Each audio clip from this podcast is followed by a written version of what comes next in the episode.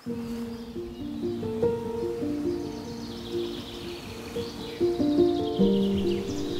leuk dat je luistert naar de podcast van Bemin Jezelf. Mijn naam is Judith Bruin en vandaag gaan we het hebben over wat het moeilijkst in je leven is om te doen. En misschien ook wel het allerbelangrijkste. Dus het belangrijkste wat je in je leven moet doen, is misschien ook wel het moeilijkste, want je moet met iets stoppen. Ehm, ik gebruik niet vaak het woordje moeten als je me kent. Dus iets waar je aan gewend bent, iets waar je misschien wel aan gehecht bent, uh, is misschien beter als je daarmee gaat stoppen. Dus bijvoorbeeld met energievretende gesprekken. Met mensen die niet willen of die niet kunnen veranderen. Dat is iets waar we ons te vaak mee bezighouden. Uit angst om de verbinding te verliezen, in een poging die ander te redden, terwijl die daar niet om vraagt. Of uh, om jezelf goed te voelen. Dus we willen graag mensen helpen om allerlei redenen en uh, dat kost veel energie. En het is maar de vraag of je ze echt helpt. Dus je mag met nog iets stoppen. Met aandacht geven aan mensen die geen interesse of geen waardering voor je hebben. Er zijn ook heel veel, vooral vrouwen, heel goed in. Um, om maar door te gaan, uh, om maar te bewijzen dat je wel lief bent, dat je wel het waard bent, dat je het wel kunt. En het heeft natuurlijk allemaal redenen. En van mij mag je er gewoon mee stoppen. En wat misschien nog wel het moeilijkste is, is stop met het geloven van de verhalen die je jezelf vertelt en die je kleiner houden dan wie je bent. Dus we hebben allemaal van die verhalen, en ik noem het ook wel vaak klaagverhalen, waarin je zegt waarom je iets niet kunt, iets niet durft, waarom het je tijd nog niet is, um, waarom je het niet waard bent, uh, waarom het niets voor jou is, um, waarom het je toch nooit uh, zal lukken. En vrouwen zijn erg goed in om dat op zichzelf te richten.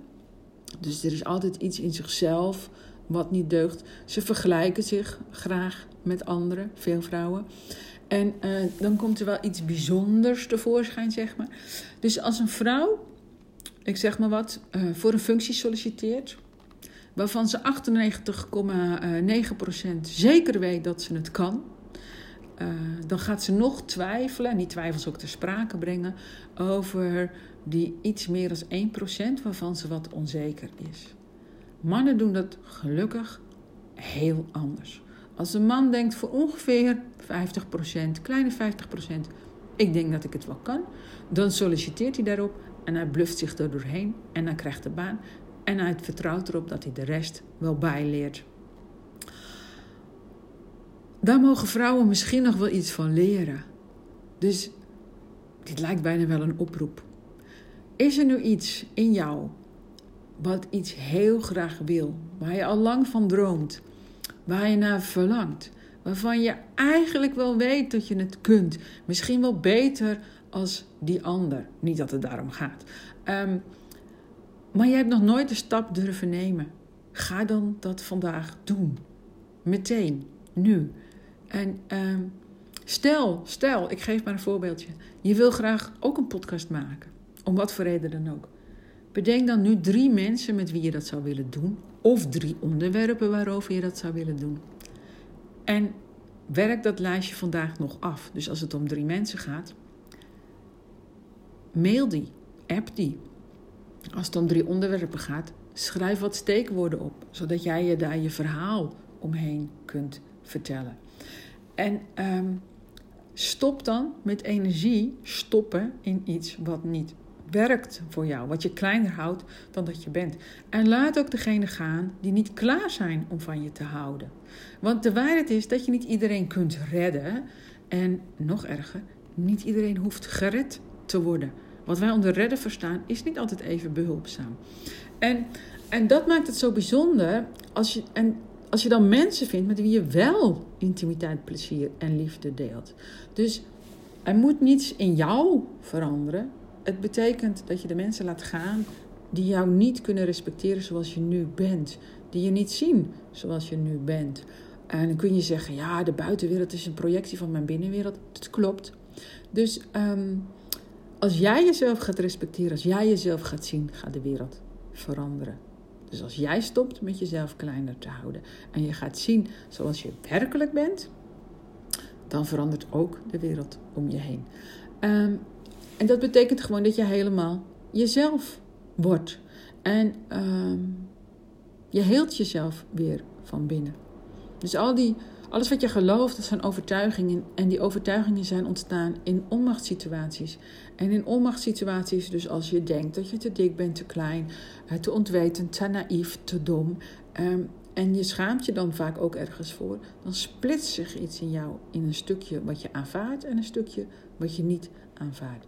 En dat weer heel maken, dat maakt dat je authentiek wordt. En authentieke mensen zijn heel aantrekkelijk.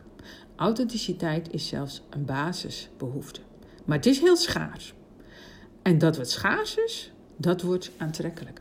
Dus in plaats van dat je je aanpast, stop je daarmee. Uh, je stopt je met aanpassen aan de verwachtingen van een ander. En je stopt met liefde aan geven aan mensen die je beledigen of die je kleineren. En je stopt met proberen iets te krijgen van een ander.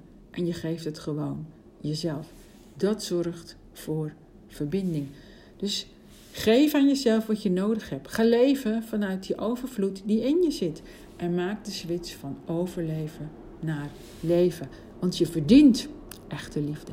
Je verdient echte verbindenis en je verdient echt genot. Als je al een tijdje luistert naar mijn podcast, weet je natuurlijk hoe je dat doet. Dat doe je door het beminnen van jezelf. En daarmee open je je hart voor jezelf. Dus het afdalen in jezelf, het afdalen in je bekken, uh, is niet altijd alleen maar één groot feest. Je komt dingen tegen die je soms lang geleden al hebt opgeslagen. Dingen kom je tegen uh, uit vorige relaties, uit je opvoeding en soms ook uit vorige generaties. Iets wat je gewoon op je genomen hebt. En dan kun je ook spreken van uh, traumatiek. En dat klinkt misschien wat zwaar. En voor mij is het niet zo zwaar meer ondertussen. Hè? Uh, ik zit natuurlijk al heel lang in dit vak. En voor mij is eigenlijk trauma transformeren is zelfs iets magisch geworden.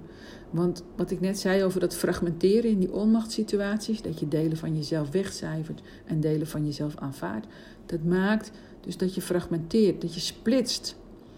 En op zich is een splitsing misschien nog niet eens zo erg. Omdat je dan nog, hè, als wij helemaal teruggaan naar het begin, helemaal naar het begin, omdat je dan nog doorhebt dat dat uit één en dezelfde bron komt. Maar als je te vaak afsplitst, als een splitsing opnieuw een splitsing wordt, op een gegeven moment weten die splitsingen niet meer dat ze uit één en dezelfde bron komen. En zo ontstaat als het ware het ego.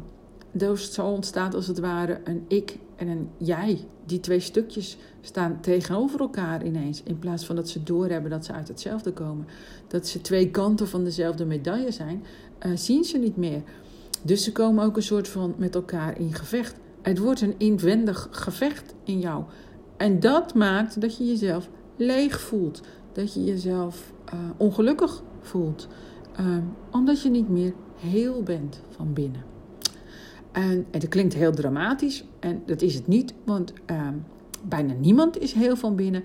En je hoeft ook niet per se helemaal heel van binnen te zijn. Ook al is dat een mooi uitgangspunt, een mooi doel. Ehm, maar als je jezelf gaat beminnen, dan zul je ontdekken dat je steeds heler wordt. En dat je leven dus steeds leuker wordt.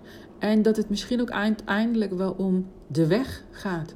Dus zolang jij op een weg loopt waar het steeds leuker wordt, lijkt me dat je ook gewoon een leuk leven hebt.